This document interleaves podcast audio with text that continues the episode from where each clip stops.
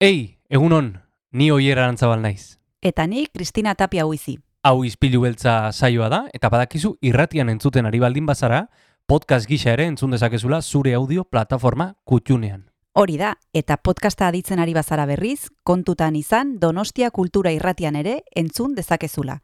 FM eundazazpi puntu lau frekuentzian. Sare sozialetan ere topatuko gaituzu noski, izpilu beltza bilatuta, Instagram, Facebook eta Twitterren. Besterik gabe, guazen gaurko saioarekin. Az gaitezen,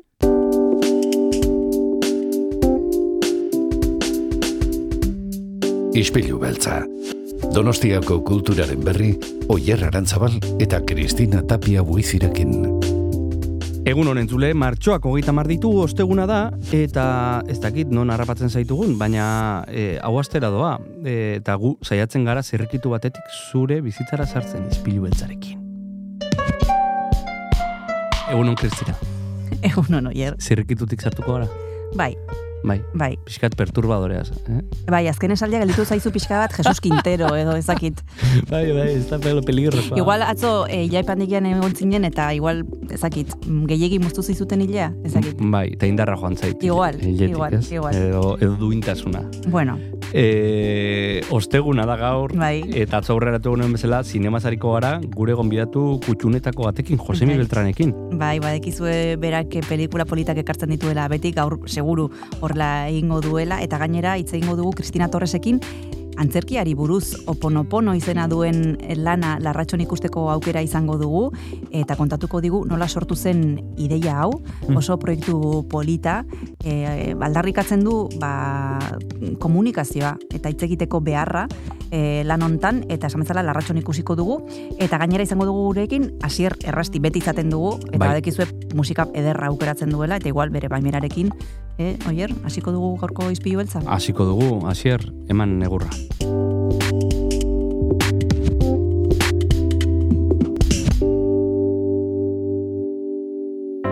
Kolpeen perimetroa zenbatekoa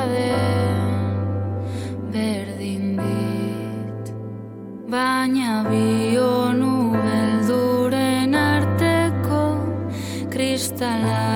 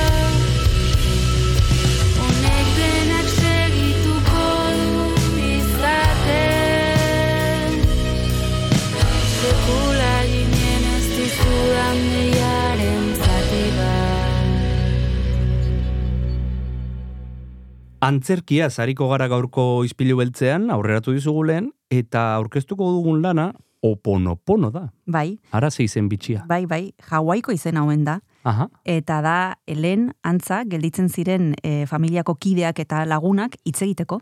E, eta arazoak e, konpontzeko hitz egiten.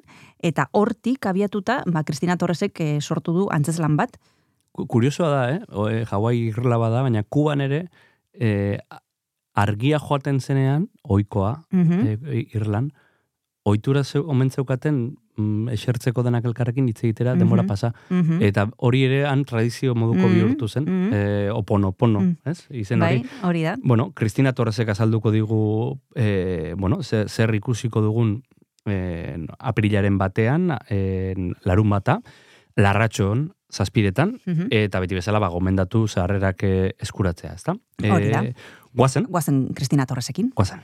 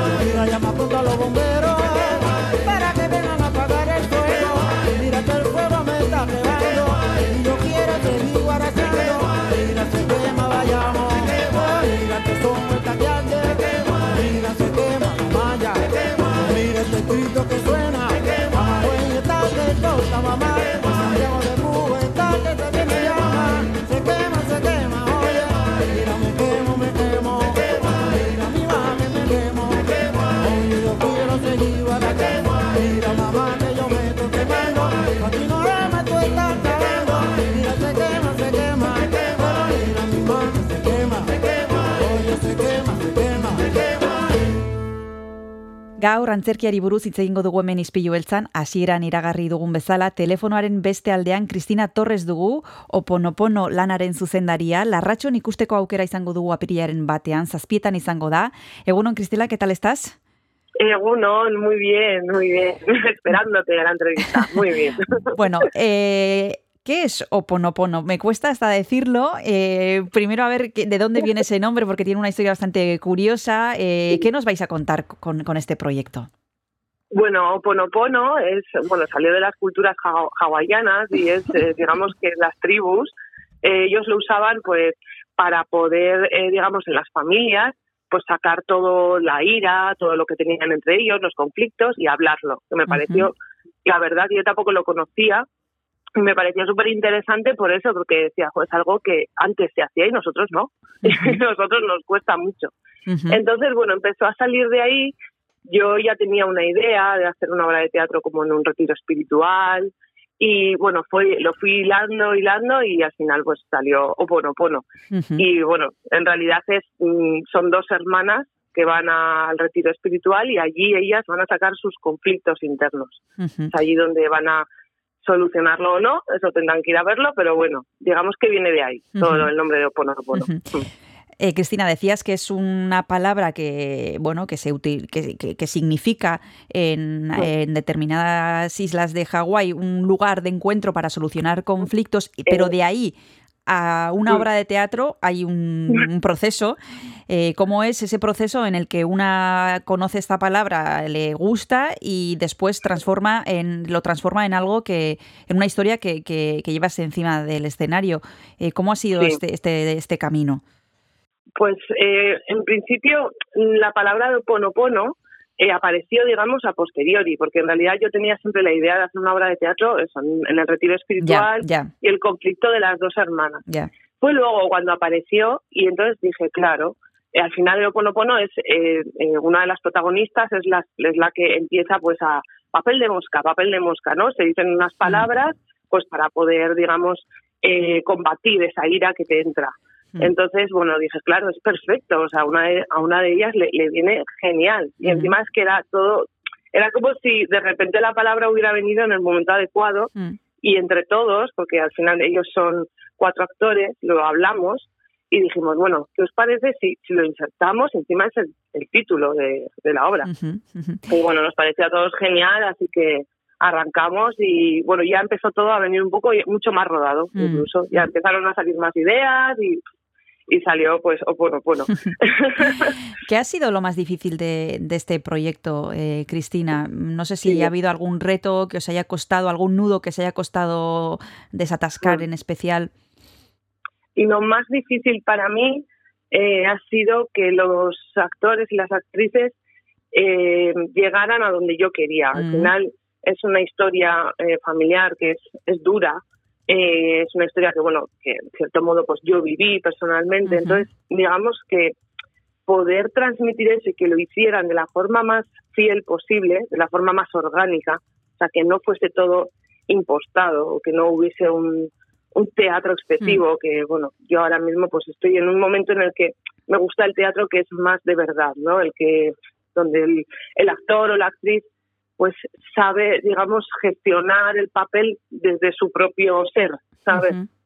Sin tener que ponerse tanto encima. Entonces, digamos que poder transmitirle a eso a ellos que se dejaran de bueno mucha gente viene con muchas manías pues de otras compañías o bueno pues de, de lo que ves en tele en el teatro que es normal entonces quitarse todas esas capas pues fue complicado la verdad Mm. pero por suerte lo hemos hecho y creo que ha quedado una obra muy muy real Mm. o sea muy real muy sincera más que Mm. real muy Mm. sincera que lo hacen todos ellos con un cariño muy, como muy, porque es un tema delicado el que se trata, entonces el cariño que le ponen es como muy especial. Y, y bueno, eso la verdad que, que fue difícil, pero también el resultado está, está logrado. Bueno, esa dificultad también puede ser lo que más satisfacción te puede provocar en un momento dado, ¿no? Porque tú ya sabes que ahí es donde hay un- una cosa que hay que trabajar y cuando ves que el resultado es el que tú querías y que has llegado a donde querías, pues eso es también lo que te produce al mismo tiempo la satisfacción, ¿no? El reto es lo que, lo que produce el placer al final también. Sí, claro, totalmente. Yo cuando hacen ahora la obra, que yo suelo estar en cabina con los técnicos, es que no, no noto eh, presión, tensión, así como otras veces pues sí que me han pasado. Mm. Es que estoy liberada porque sé que lo que lo que la gente está viendo está muy bien. Es, es que sé que que va a llegar y esa, esa era la idea, que va a crear debate, que la gente se va a ir pensando a su casa, que va a decir, pero bueno, esto qué ha pasado, ¿no? Mm. Pero todo desde desde un lugar como muy eh, muy humilde, ¿sabes? Mm. Sin tener que sin hacer que un teatro así muy ostentoso, Ujú. o sea, es todo muy muy recogido además. Y eso es lo que uff, te quedas liberada. Bueno, nos vamos a tomar un descanso antes de continuar hablando de esta propuesta. Continuamos enseguida con Cristina Torres.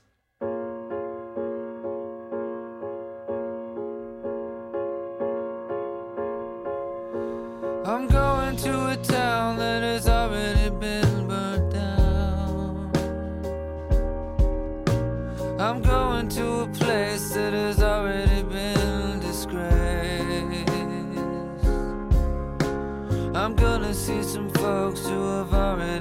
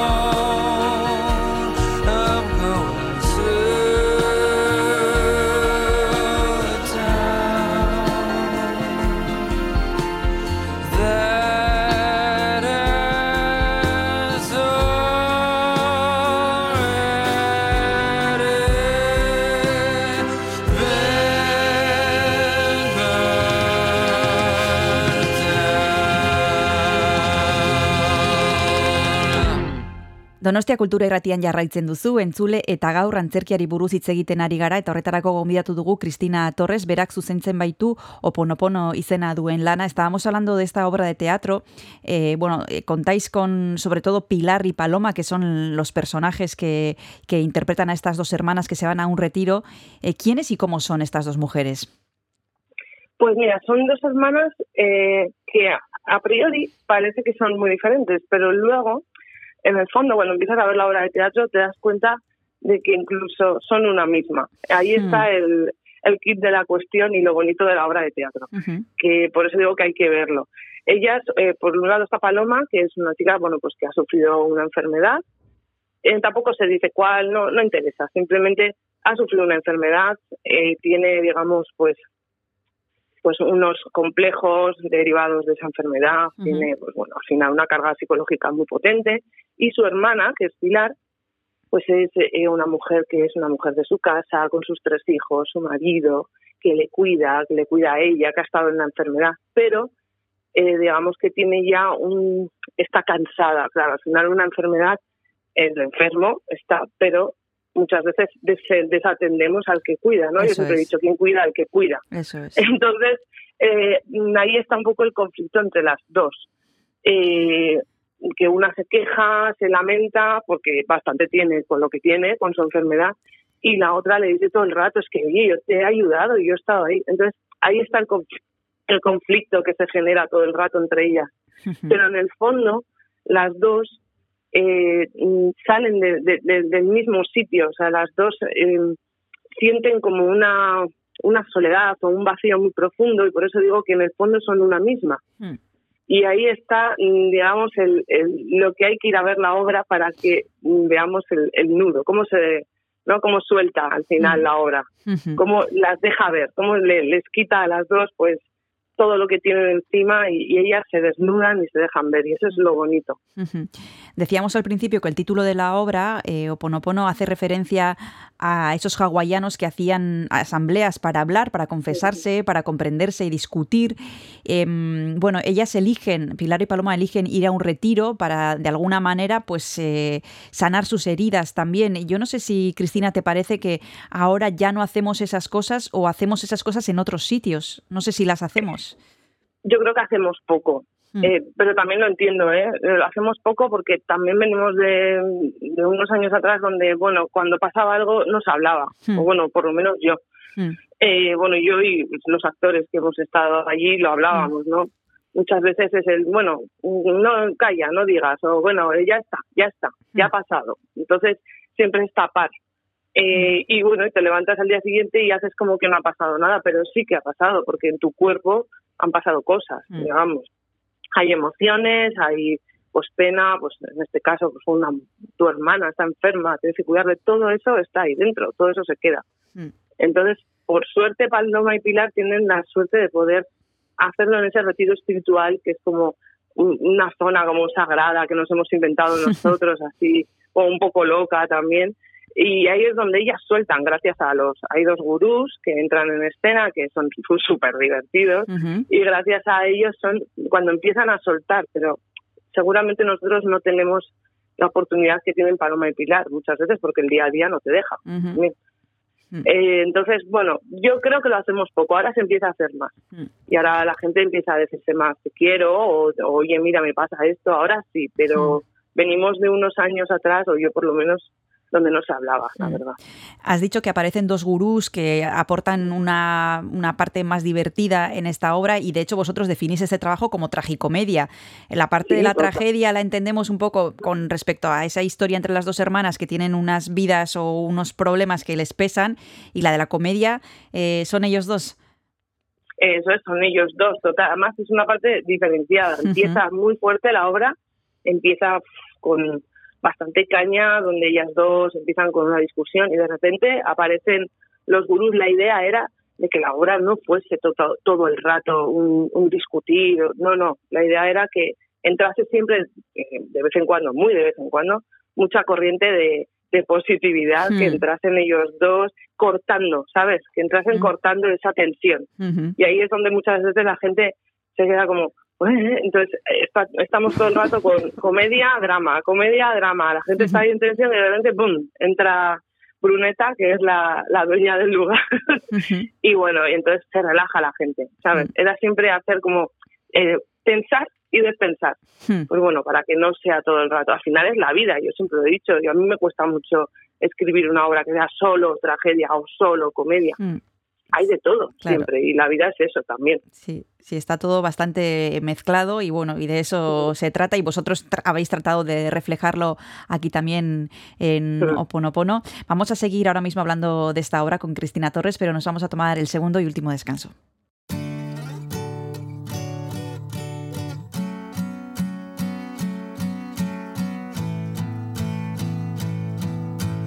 Words are flowing out like endless rain into a paper cup. They slither while they pass, they slip away across the universe. Pools of sorrow, waves of joy are drifting through my open mind, possessing and caressing me. Jai Guru Deva.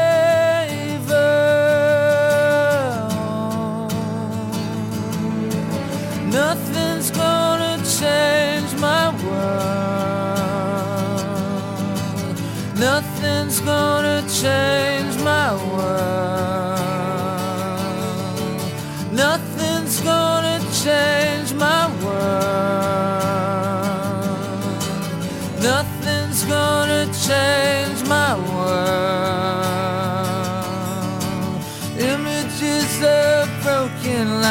which dance before me like a million eyes and call me on and on across the universe. Thoughts meander like a restless wind inside a letterbox. They stumble blindly as they make their way across the universe. Jai Guru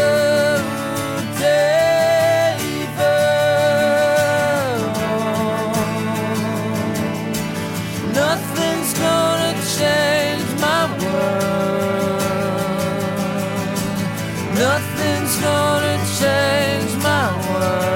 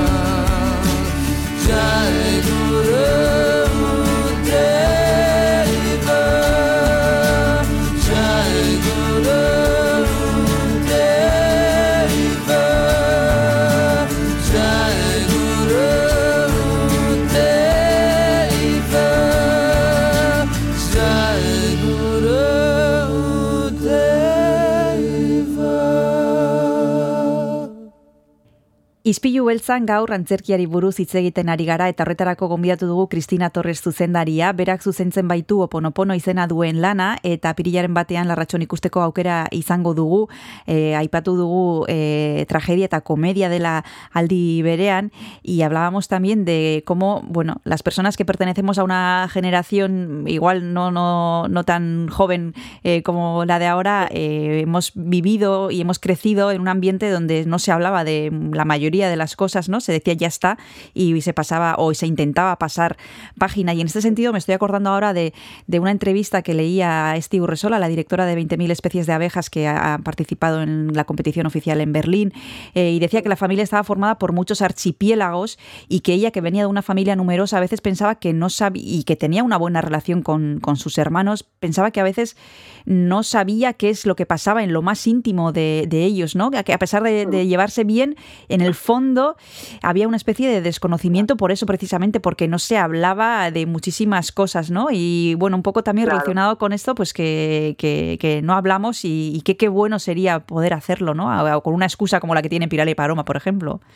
Claro, y hablar abiertamente, porque Mm. muchas veces también lo que nos pasa es que eh, pues eh, cuando algo es malo, ¿no? Tienes un pensamiento negativo, parece que no puedes decirlo, pero Mm. es que es un pensamiento negativo que tienes que exteriorizar. Mm. Luego está la otra parte, que si realmente hay mm, te quiere, te perdonará, o sea, te Mm. perdonará, lo entenderá, pero hay que hay que decirlo. Y muchas veces tenemos pensamientos negativos, incluso como decía en esos archipiéla- archipiélagos que tú crees que conoces, que tú crees que, "Ah, pues me llevo bien. Sí, pero hay algo siempre en el fondo que, que nadie va a poder exteriorizar, Mm. porque venimos de ahí, de decir, bueno, todo va bien, ya está, ya está, ya está. No, hay mucho más. Entiendo lo que dice con lo de los archipiélagos, a mí me pasa.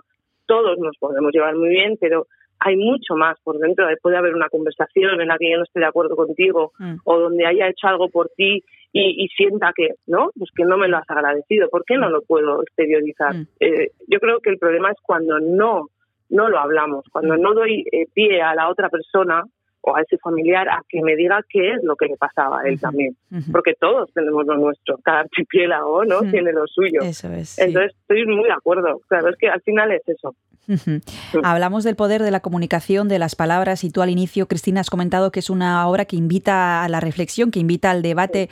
Eh, es, ¿Eso lo, lo habéis visto vosotros eh, en, Ah. en las personas que hayan ido a veros, eh, que después eh, os, os han comentado, que después surgen conversaciones interesantes? Sí, es más, cuando empezamos con la obra, claro, yo mostré el guion y, y me decían, no lo van a entender. Y yo, yo, bueno, a ver, sí, lo van a entender, pero eh, tampoco hace falta que lo entiendan muchas veces. ¿Por qué? Porque seguramente hay cosas que, que igual estás viendo, pero que tu propio cerebro las, las rechaza o las estás oyendo y tú rechazas porque tú dices, no, yo no soy así. No, Mm. sí, sí, puede que sí. Entonces, yo les decía, lo bonito es eso, que no tenemos que darlo todo tan mascado, ¿no? Que muchas veces tendemos a explicarlo todo. Y yo decía, no, no hace falta, vamos a dejar que la gente se vaya a casa, que, que cenen juntos, que hablen, ¿no? Oye, ¿tú qué has entendido aquí? ¿Y tú? Pues yo, mira, eso es lo, lo que pretendíamos. Pues Mm. muchas veces la gente se va y, pues ahora nos vamos a tomar algo y vamos a hablar del tema. Y yo, ah, muy bien, eso es, eso es, eso es. Eso es lo que yo quería, que hubiese oponopono, incluso dentro de la gente que va a verlo, que tuviesen claro, porque al final si tú vas a, un- a ver una obra y, ah pues, ah, pues ha acabado muy bien, ya está. No, yo creo que, que tenemos que empezar a eso a crear un poco de debate entre nosotros, los amigos, la cuadrilla, el que vaya a verlo, en familias, incluso hijos, que digan, Mm. joder, mamá, yo esto, pues sí, es la, al final es verse reflejado y si no me estoy viendo reflejado, igual en un futuro me pasa algo así, igual entiendo que es que tengo que hablarlo, Mm. ¿sabes? Eso Mm. era lo bonito. ¿Estáis satisfecho, enti- satisfechos, entiendo, por la acogida que está teniendo la propuesta, Cristina? Sí, sí, muy- estamos, la verdad que eh, no esperábamos que, que la gente, además, la, la cogiera así de bien, ¿no? Que teníamos siempre el miedo de, pues mira, no he entendido nada, ¿no? no pero qué va, qué va, para nada. Te das cuenta de que el público es un público eh, empático, es inteligente y dices, claro, que eh, lo van a entender. ¿Cómo no lo van a entender? Si es que es, es la vida misma. Mm. Y estamos, la verdad, que, que muy contentos. Y luego ya el uno en, en la Racho. Ya acabamos, digamos, el circuito eh, de Donosti. Y muy contentos, muy contentos. Cuando alguien ya está enseñando su trabajo y lo muestra en los teatros, eh, encima del escenario están los actores, normalmente los que estáis detrás ya estáis trabajando en otras cosas. No sé si es vuestro caso, si ya eh, tenéis alguna idea que estáis empezando a, a trabajar o todavía le queréis dar más vida a Oponopono. ¿Cómo, cómo estáis en este momento?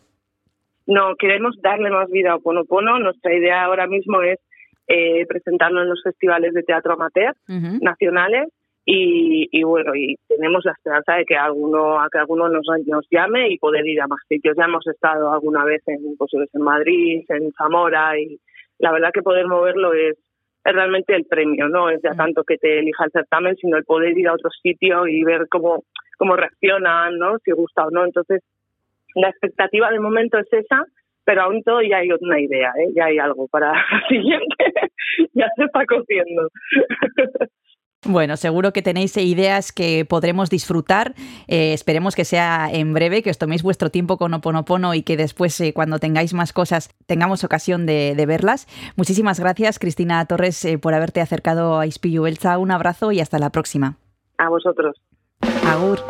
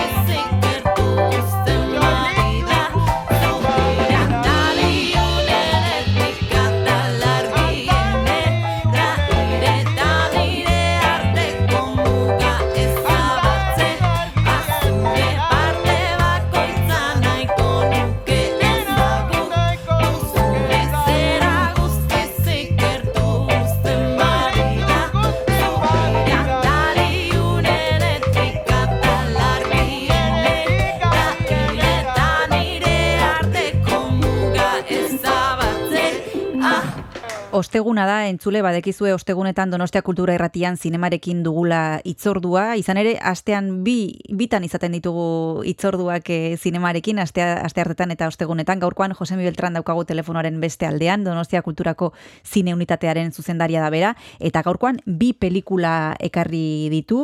E, lehenbizikoak izena du Kronika de un amor efimero, Emanuel Moretek zuzendutakoa, eta egunotan e, zinemetan, zinemaretoetan ikusteko aukera daukazuena, eta bestetik, nosferaturen baitan ikusteko aukera izango duguna, apirilaren bostean, Los Railes del Crimen, Kosta Gabrasek eh, zuzendutakoa.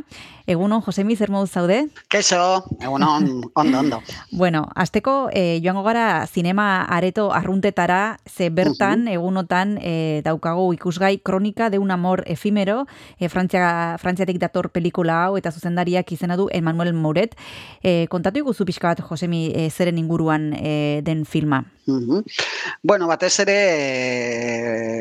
e, e, agian ezagutuko duzue e, aurreko filma, zeren, e, bueno, ba, nahiko Ba, arrakasta, arrakasta esanguratsua izan zuen zirkuito independientean, las cosas que decimos, las cosas que hacemos filma, eta eh, generoa edo estiloa ba, antzeko oso, oso, oso antzekoa zen, komedia eh, romantiko bat, eh, baina bueno, e, egile kutsu, kutsu batekin, e, askotan konparatu da zuzendari honen zuzendari honen estiloa Eric Romer edo Bai. Woody Allen zinemagileekin, bai, bai.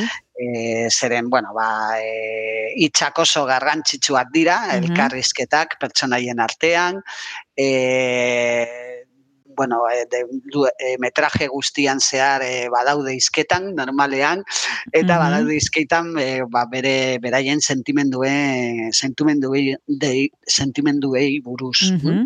Eta batez ere, bueno, amodio, amodio kontuen e, inguruan eta Mhm. erlazia harremanak daude daude beti jokoan, e, baina edo beti modu atsegin atsegin batean, eh? Nahi ez, eta edo bueno, tristura edo nostalgia egon daiteke, baina baina bueno, e, drama drama drama drama ez da ez da Mhm. inoiz ai- ailegatzen. Mhm.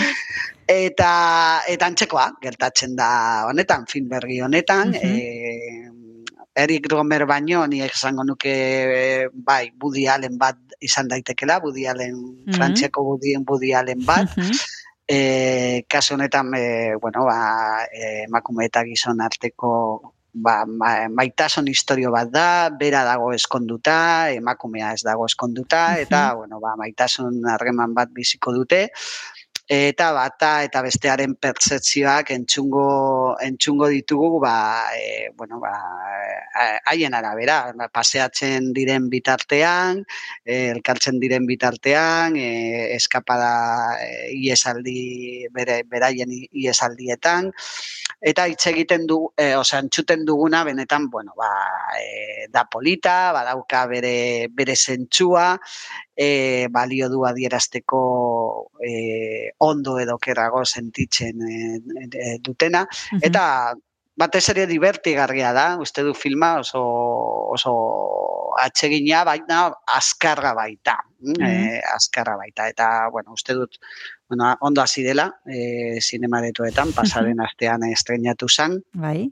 eta eta nahiko ondo doa eta nire ustez ba ba merezi du. Zeren normalan hau esalako komediak e, e, bueno, ba hori, agian lelo, lelo gisa ikuslea lelo gisa atzen ez dutenak, ba ondo ondo daude Hmm. nire ustez eta eta gehiago izan izan beharko genuke hau Mhm. Hau hau esalakoak. bai.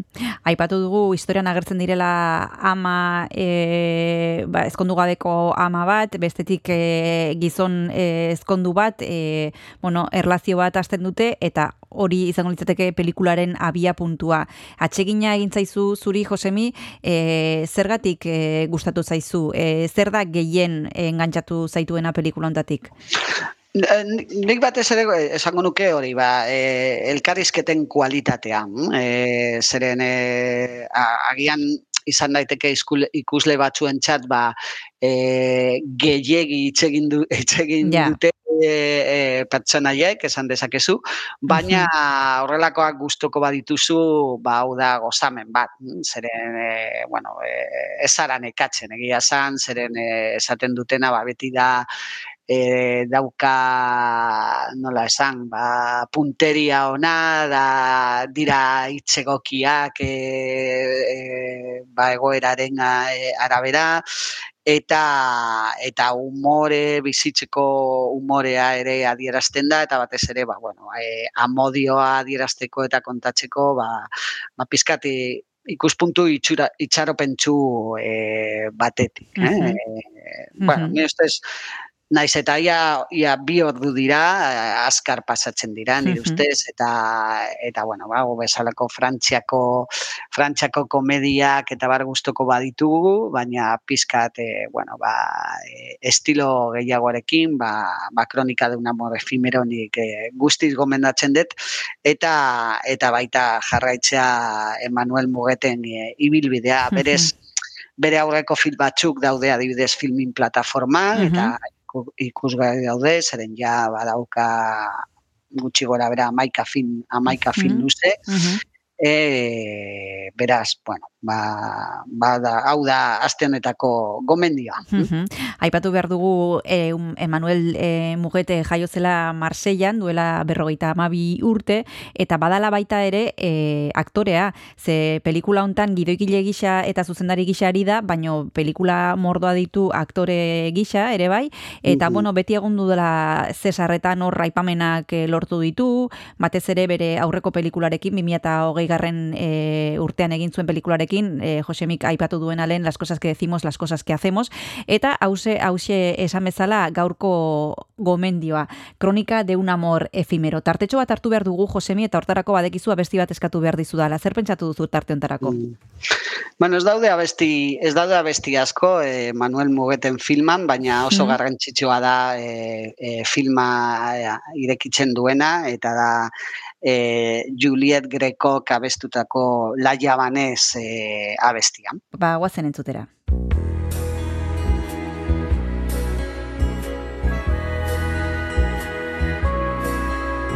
J'avoue, j'en ai bavé, pas vous, mon amour. Avant d'avoir eu vent de vous, mon amour. Ne vous déplaise en dansant la javanaise. Nous nous aimions le temps d'une chanson.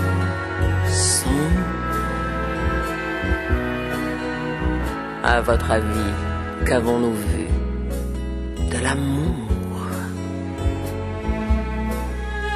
De vous à moi, vous m'avez eu, mon amour.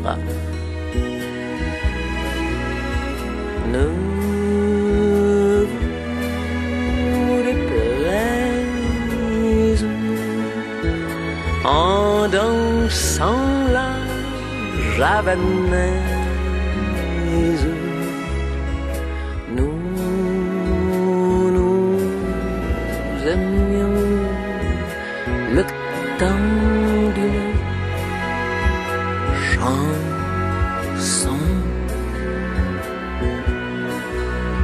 Hélas, avril en vain me voue à l'amour. J'avais envie de voir en vous cet amour. Ne vous déplaise en dansant la javanaise.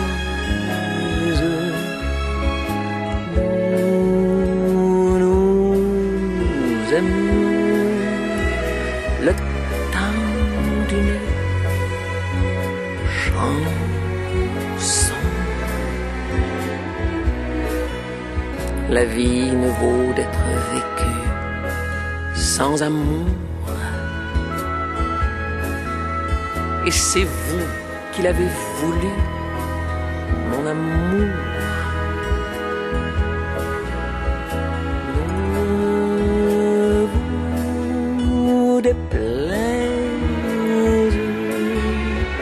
En dansant la.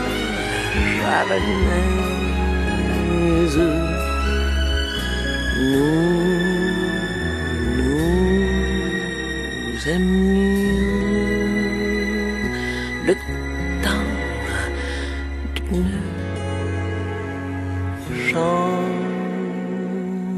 chanson.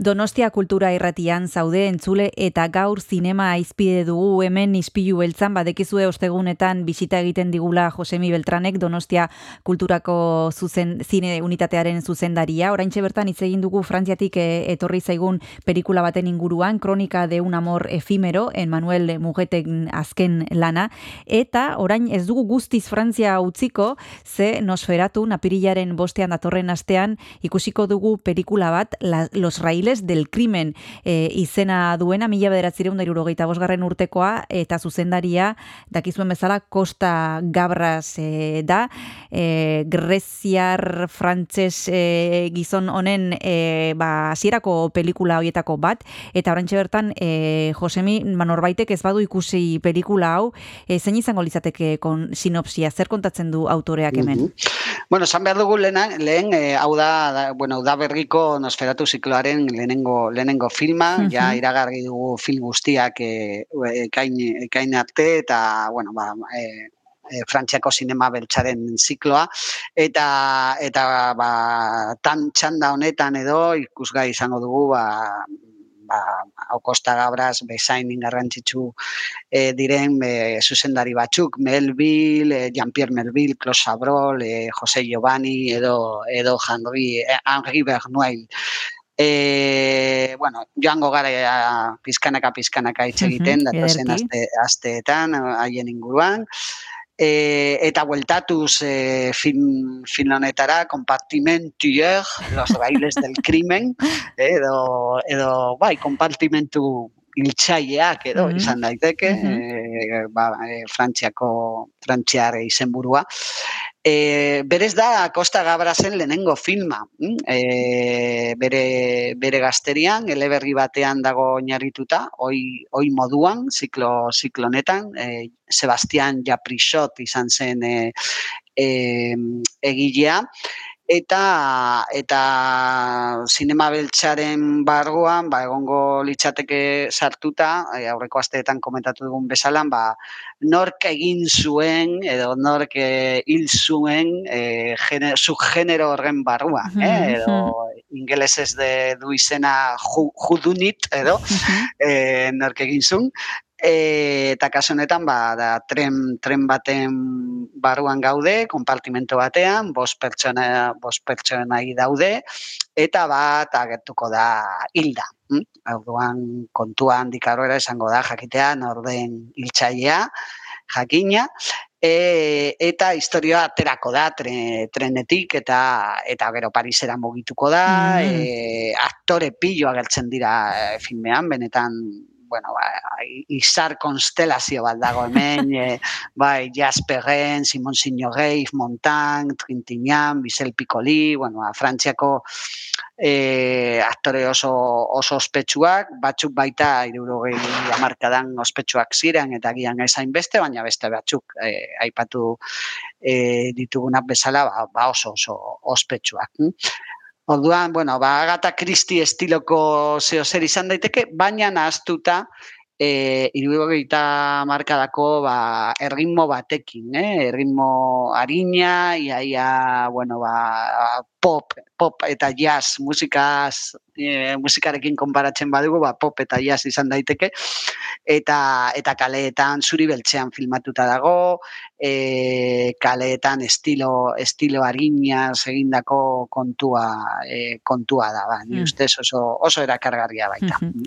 Ba, oraintxe bertan jarraituko dugu pelikula honen inguruan hitz egiten, Los Raíles del Crimen, baino bigarren tartetxo hartuko hartu behar dugu Josemi, eta ezakit eh, pelikula honekin zer etorri zaizun burura, zer entzun dezakegu? Mm. Bueno, ba, e, kasu honetan bai banda, osea, soinu banda, filmaren soinu banda, e, nahazten du soinu bandak, ba, justu hori, e, jasa eta eta musika, bueno, ba, gazteagoa bere, bere garaian, ba, entzungo dugu Michel Magnon da e, e, musikaria edo gila, ba, entzungo dugu filmaren e, ba, abesti nagusia edo. Ederki.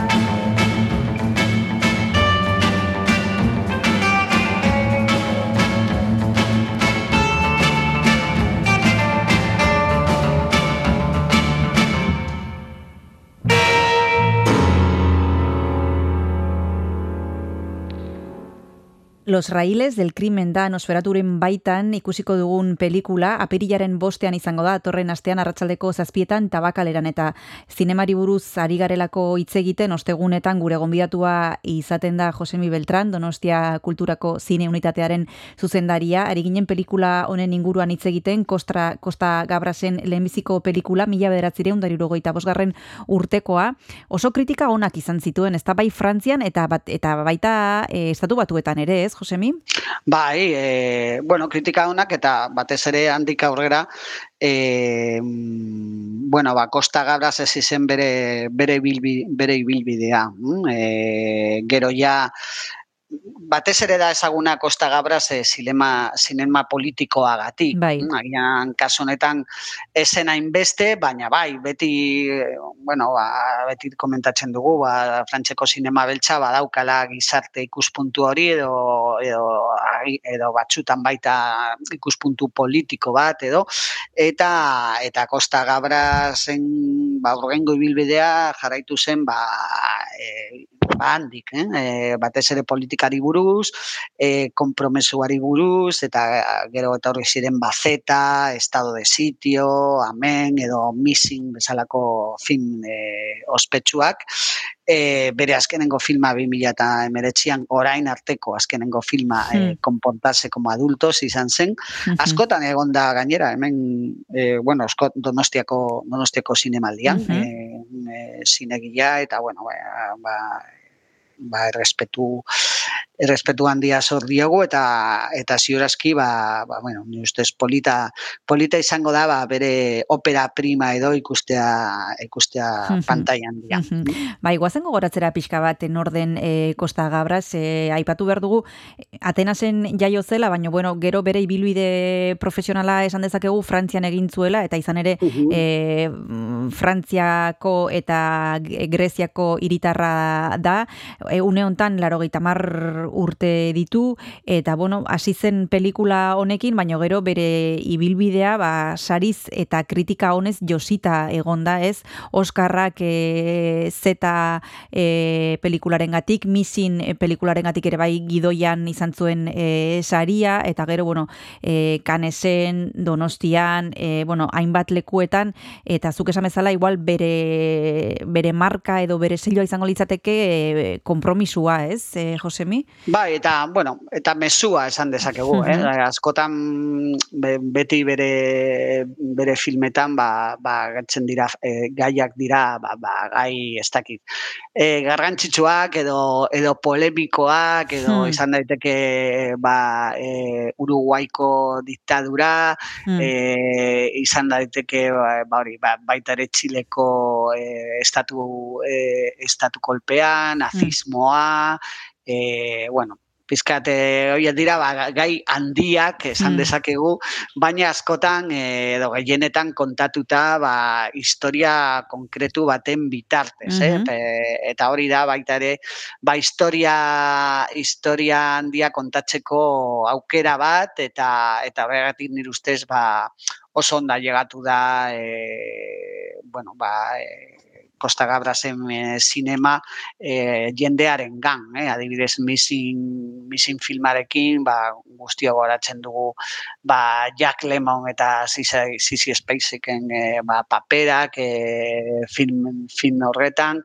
edo, edo Z filmean e, ba, epai, epaiaren baita e, ba, papera e, trintinan aktoreak eginda Mm. sortuta, sortutakoa. Mhm. E, komentatu de, dezakegu agian, e, ba hori adibidez Jorge Semprún, Bai. e, gidoilari eta eta gero politikariarekin lan egin zuela e, Mm. askotan eta eta bai, bai, beti beti beti agian bururatzen bazaigu edo aukeratu ez dakit zinegile politiko bat eta askotan aterako zaigu lehena Costa Gabras, ya, ya, mm. na, naigabe, mm. naigabe, eh, gaia beti daude e, ba hori atal horretan. Bai, eta bueno, izugarrizko filmografia dauka pelikula mordoa. Josemi, esaten badizute pare bat edo hiru aukeratzeko zure favoritoak zein dira?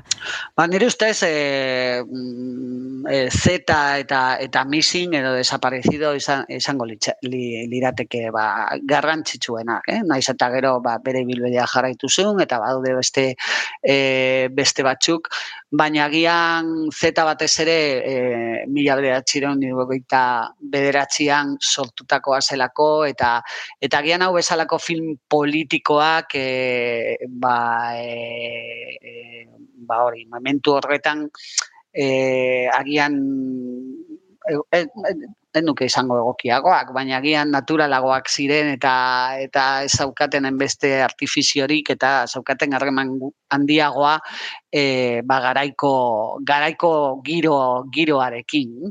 Eta gero missing filma, e, bueno, agian arrakastagatik, e, aktoren, aktoren lanagatik, eta batez ere ba, izan zuen impacto, impactoagatik, mm? baita Oscar sarietan, kanesetan, eta eta bueno, oso oso arrakastatsua izan zen eta da funtseskoa bere bere kargera. Mhm. Eta utzi du beste zinemagiletan arrastoa e, gizon honek e, lan egiteko duen moduak e, e, ikustezakegu, ba, bueno, influentzia dagoela beste autore batzuetan e, Costa Garbasen e, filmek utzi dute arrastorik?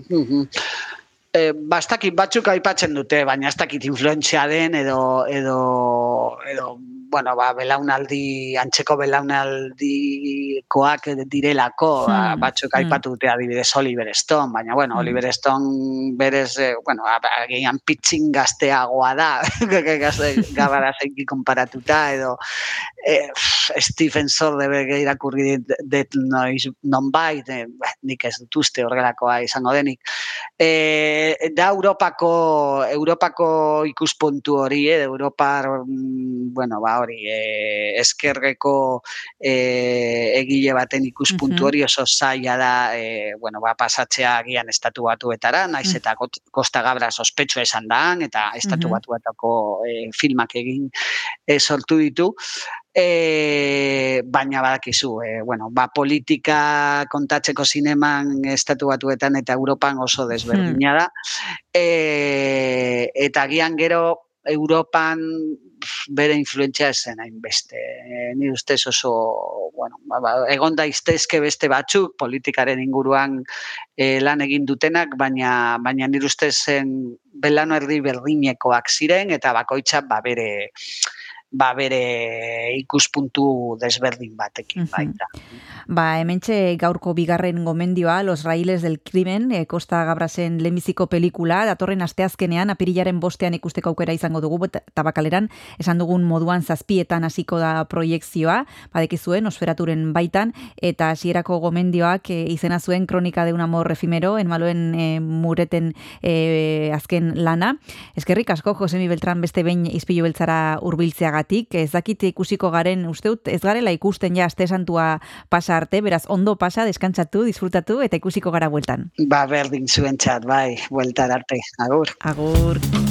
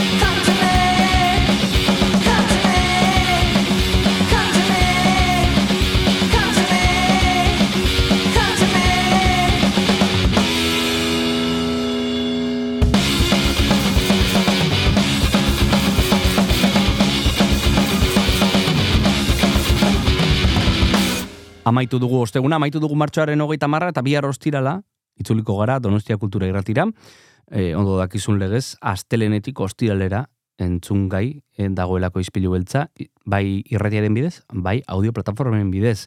Eta bihar, mm, betikoa, liburutegiak, eta Ikastaroak. ikastaroak. Betikoa, baina beti de, diferente. Hori da, beti diferente. Badekizue eh, Ruben Bidal etorriko dela bihar, bera egiatik dator eta komikia komendatzen ditu. Biharkoan ekarriko du Eskutxa Hermosa Marcia liburua eta gainera Gorka Urra izango dugu gurekin, bera lutierra da eta gitarraren inguruko ikastarok eskaintzen ditu Donostia Kulturan eta oso elkarrizketa polita izango dugu berarekin. Bueno, gitarra nola grabatu ikasiko dugu, besteak beste gauza Bai. asko eh, azalduko dizkigu, eh, baina hori guztia bihar Mhm. izango da, hemen izpilu beltzean, bitartean zaindu, zu eta zure ingurukoak, eta musikarekin utziko zaitugu. Hori da, guazen musikantzutera. Agur, agur.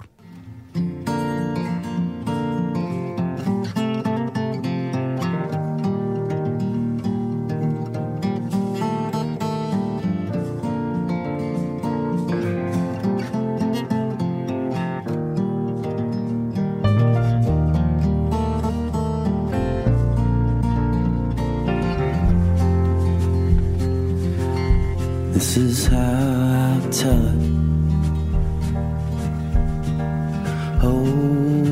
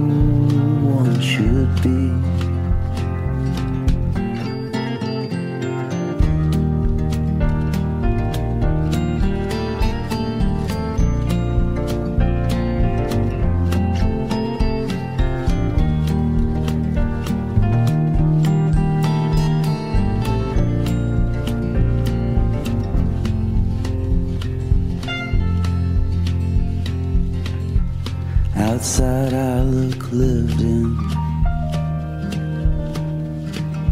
like the moon.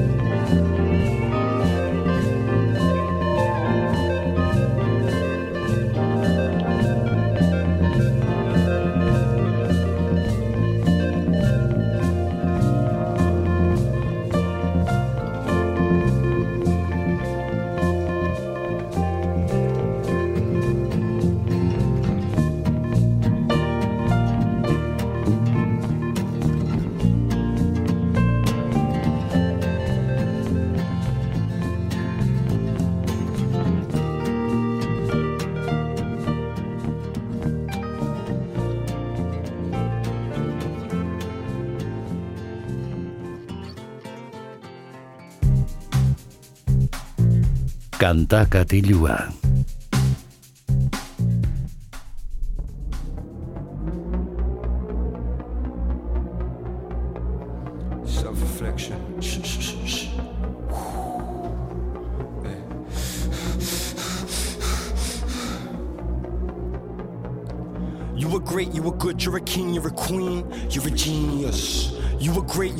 You're a king, you're a queen, you're a genius. You were great, you were good, you're a king, you're a queen, you're a genius. You're a genius. You're a genius. You're a genius. You're a genius. I've been lacking motivation.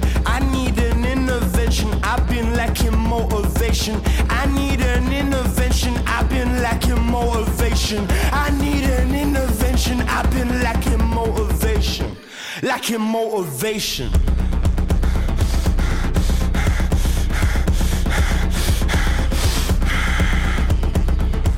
The other day I had a conversation with my therapist. I was telling him about situations I always end up in. How I act impulsively. How things seem to happen to me. I was saying, poor me, sorry me, sorry sir. He said, Tyron, you just gotta learn to breathe. Imagine you're on a staircase and each step you take is a step down from being up that level. You should breathe, breathe, breathe. The funny thing is, it just pissed me off more. what am I paying for? yeah.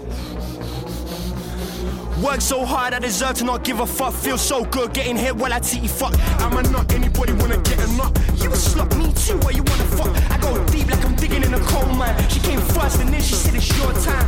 Funny cuts, I couldn't come. Thinking I'm actually still young. Not the same when she snorted powder. She said, baby, wanna go in the shower. How can I refuse? Got a couple loose screws. I won't stop till I'm in a coma. I took a blue pill and I lost composure. Fuck you. Dance like nobody's watching. More coke, more weed, more ease, more drip, more E, more sex, less stress, head jet. Where you wanna be my empress? More bass, more race, more shades. What? We tryna save face? More alcohol, we ain't going home till we broke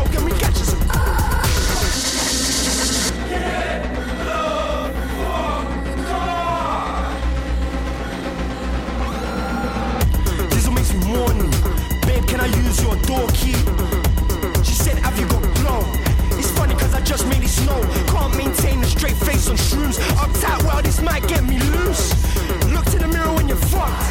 Had a conversation with God. Pray for the state, it's the magic hour. In a K hole like a climbing chowder. I wanna melt on my own, but they won't leave me alone. Hands in the air if you're popping pills. Smoking weed, singing long and hill. Any bad vibes and they gon' get killed. More coke, more weed, more ease, more trips, more E, more sex, less stress, head yes. You wanna be my empress?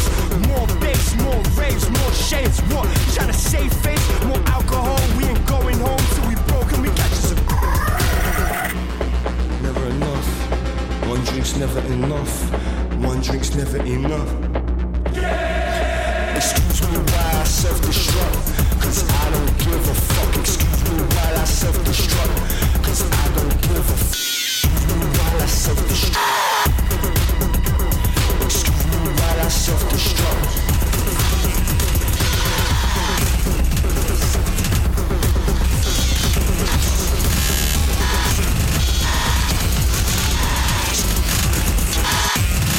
Everyone, everyone from the front to the back, repeat after me. I need you to breathe.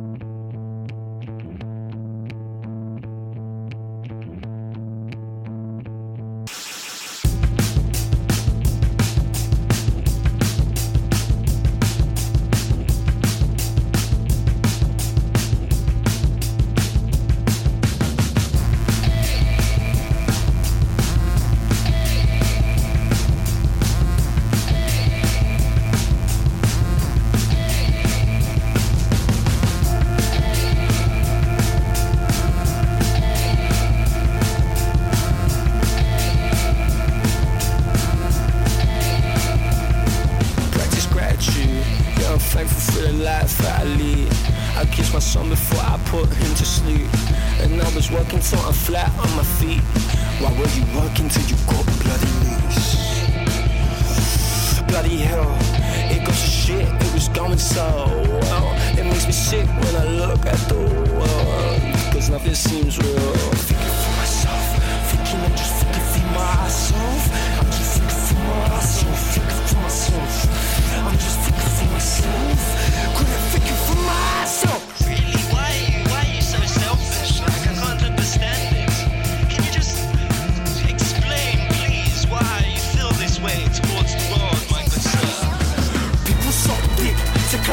Pyramid it makes you sick.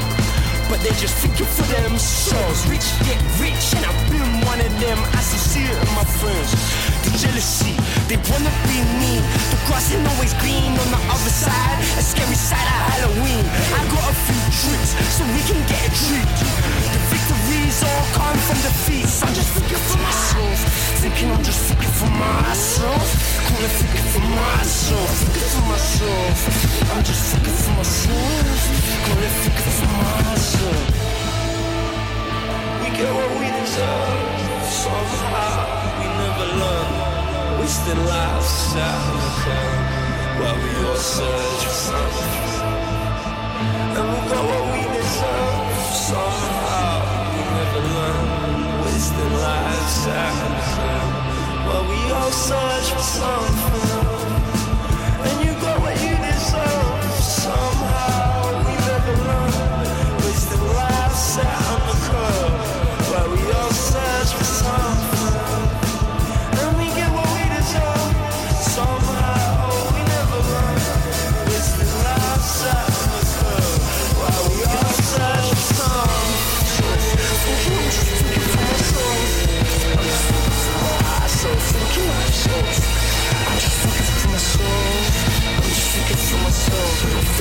Myself.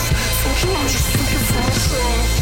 I'm just thinking for myself. I'm just for myself. I I.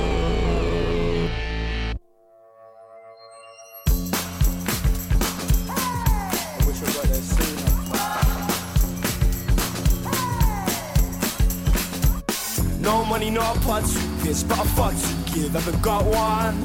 I'm riding shotgun in a 306. See you eat a bigs, feeling love drunk. Sometimes I wanna kill myself, cause failure's never been an option. Whilst living in the real world, I feel like I'm a real person. So tell me, did you say something? Did you say something? You paranoid?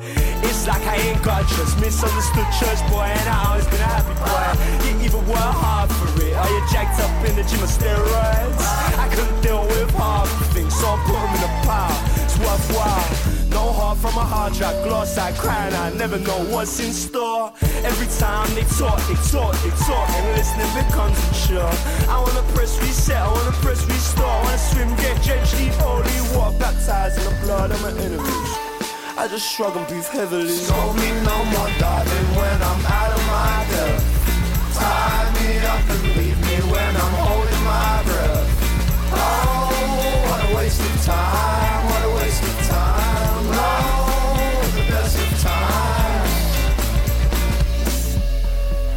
Question everything, but fuck it, I'm free. Dragging my feet, I sweep the dirt underneath.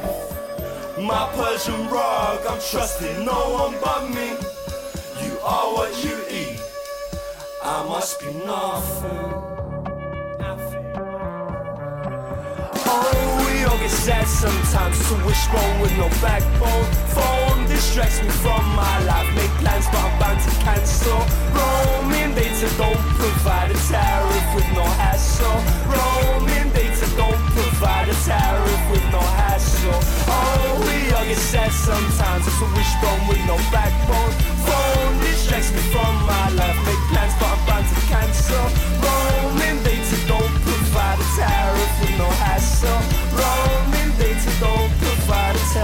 with no hassle. Scold me no more, darling, when I'm out of my depth.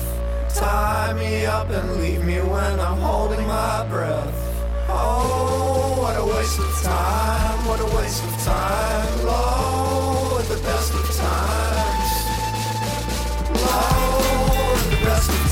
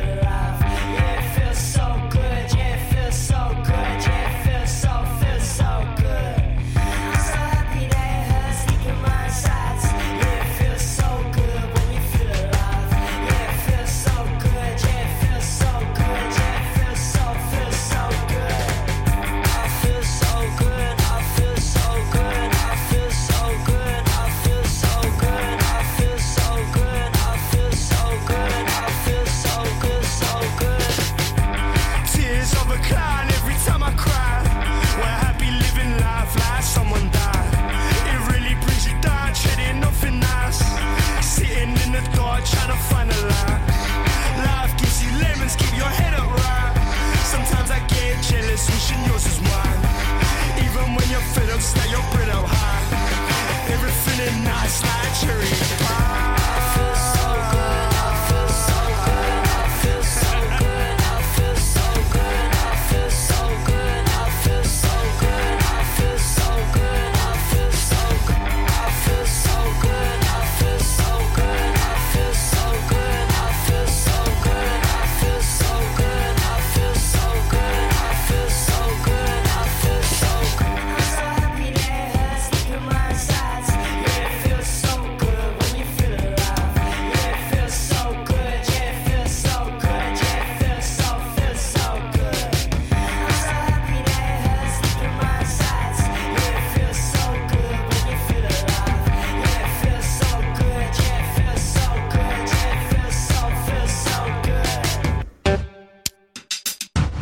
Donostia kultura irratia zurea ere bada. Zatoz eta parte hartu. My shadow stayed on the wall. I walked away. I never thought I'd see you again.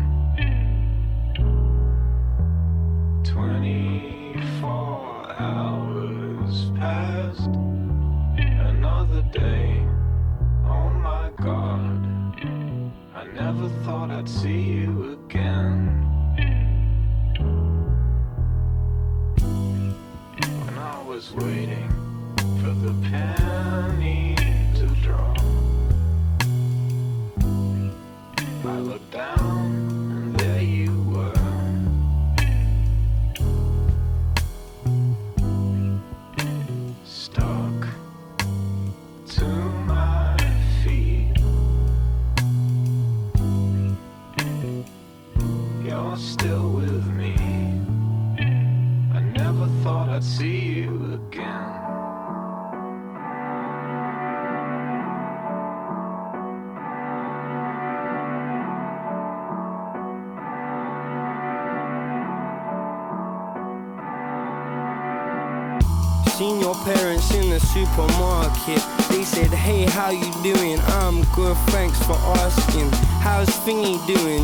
pregnant and she's arguing. Screwing cause Stuart's been out late partying.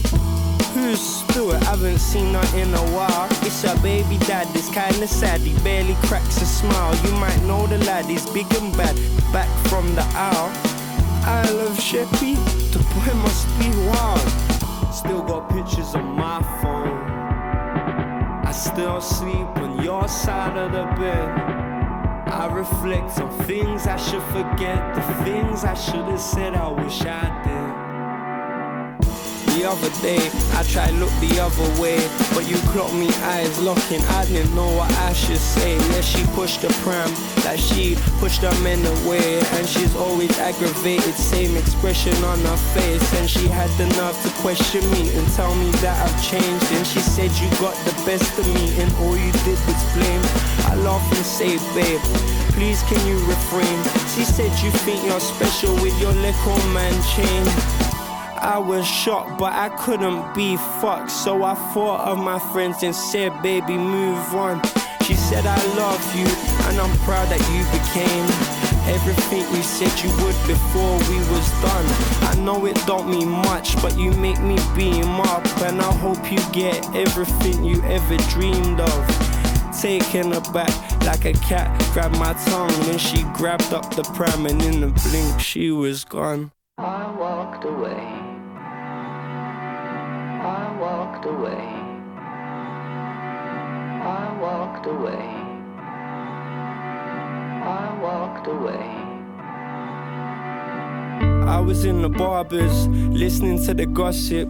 On the news, a local girl was murdered by her husband. They had two kids, and they both had drug problems. Two seconds didn't register, then I felt worried. I hurried to my phone, butterflies in my stomach. I rang our older bro, we started screaming. I said, What's up? He couldn't get the words, so I hung up, then I jumped up. I ran to the block, there was flowers on the shop front. I dropped to my knees, then I seen a pretty picture. The one she cut me out, that was still up on her Insta.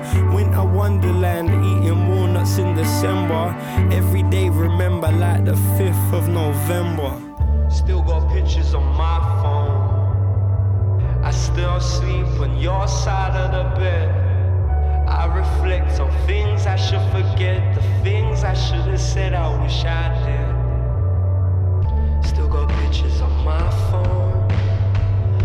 Still sleep on your side of the bed. I reflect on things I should forget, the things I should have said I wish I did. I walked away. Whispers why the voices make me act impulsively. My touch corrosive, I've been trying to OD. Why I always got the notion no one cares about tea. Wanna watch the world burn, cause the world's been burning me. Insecurities, fuck on my need cash. Rob use, push crack, push your wig back. Send the youth back to Turkey, selling Shirley at the cab. Been up from early, cause I'm gonna relapse.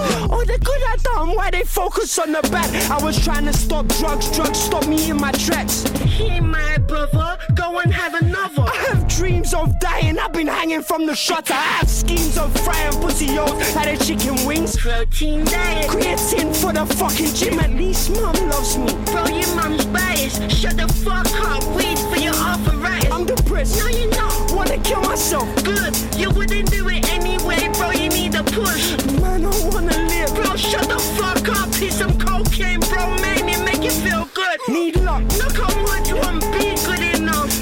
the fuck up. I'm your friend. No, you're not. Good looking cunt. I'ma do it on my own. Okay, bro, delete my number from your phone.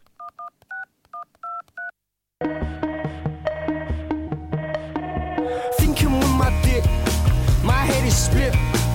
It's so hard for both sides to commit. Hear the whispers from the angels, positive. I'm swayed by the demons telling fibs when the walls cave in. No one's there. Keep nodding, yeah. My head's the rocking chair. We keep going round, we keep going round. I never made you proud, never made you proud. It's okay to cry, okay to cry. See the sun. H-A-P-P-Y, H-A-P-P-Y. See the sun. It's okay to cry, okay to cry. See the sun. H-A-P-P-Y, H-A-P-P-Y, yeah. I will give everything for a smile.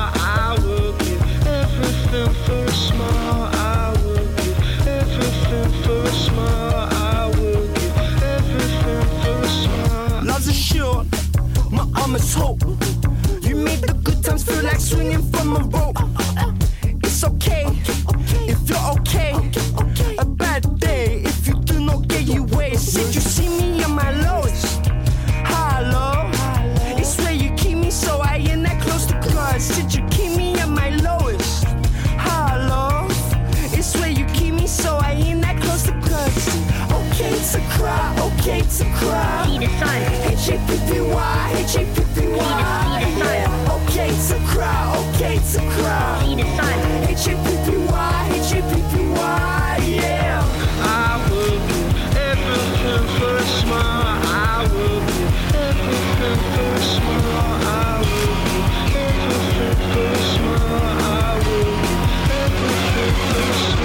A storm in my chest, the honeymoon is your world, I'm just living in it. We stare through sunken eyes, you stare at the ground, I'm not surprised. Going back and forth, I deliver the sun to your feet. At your door, can't keep my hands in the ride.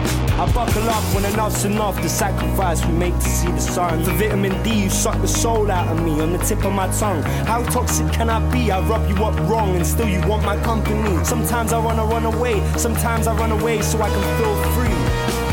How far can my feet take me before they bleed? How far can my feet take me so I can feel free?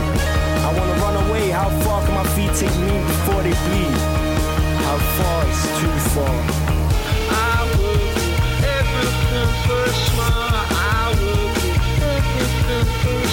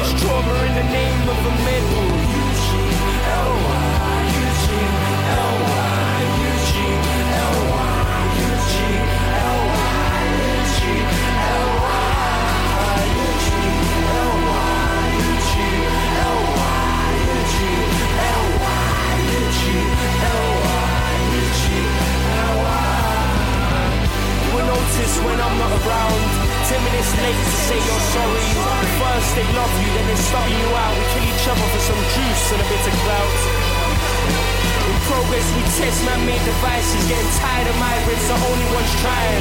You will stare in admiration. You will stop what you're doing. Cut attention with a butter knife. You are not in control. The moment the world stands still.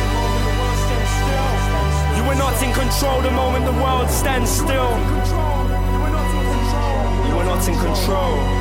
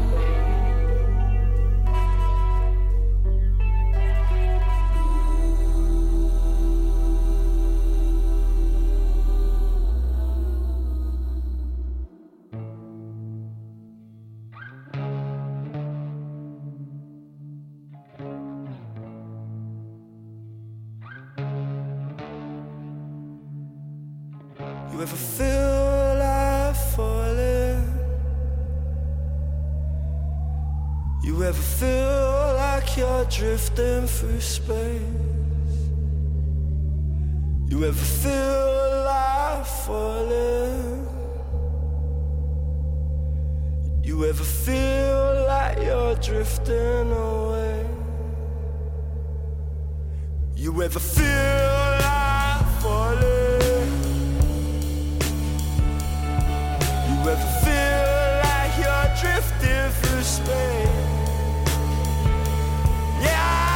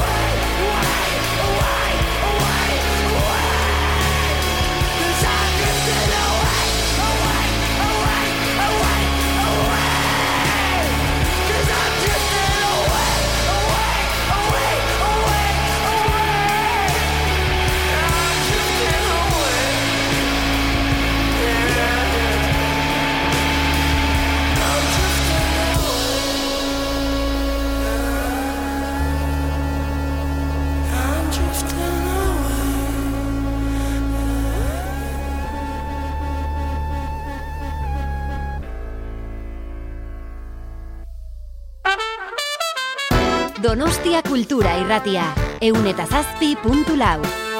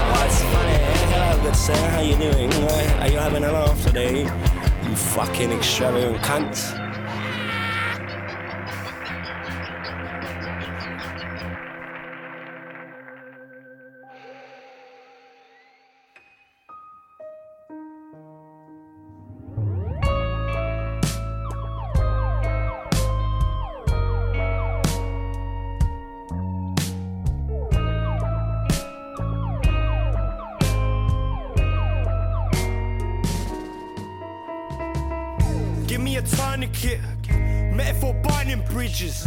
I cannot learn from it. I keep on burning shit.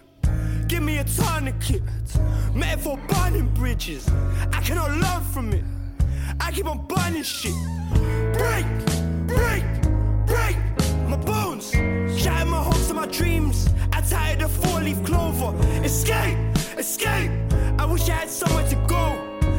Find shelter and hope. I walk with a ghost that is stitched to my clothes. I keep closing doors, So self-assured, I think we should talk. I'm becoming bored of everyone. No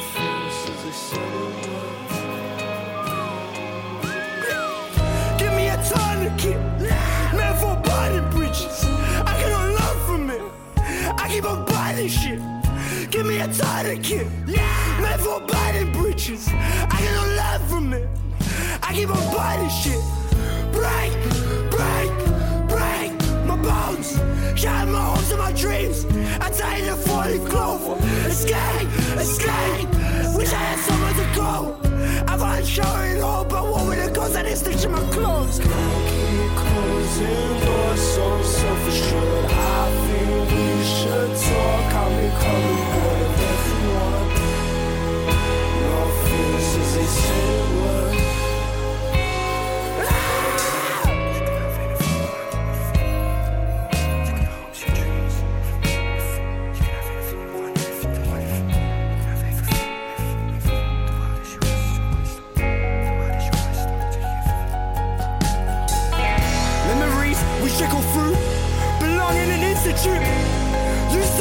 pollution.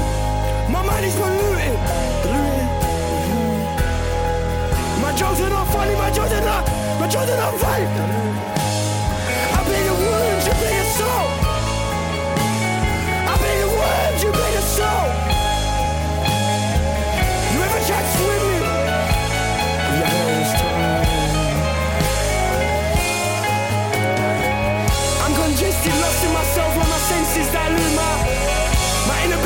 passage come to you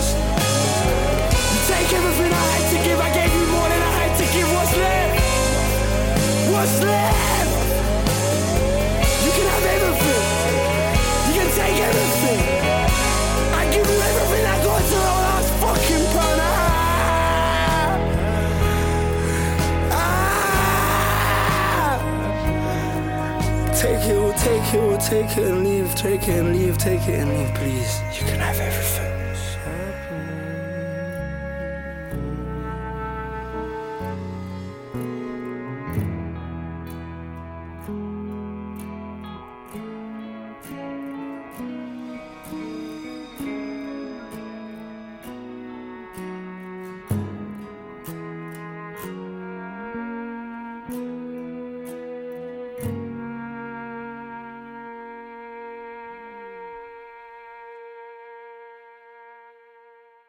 Ispilu beltza podcasta entzungai duzu irratia.donostiakultura.eus webgunean, Spotify, Apple Podcasten, Google Podcasten edo zure audio plataforma kutxunenean.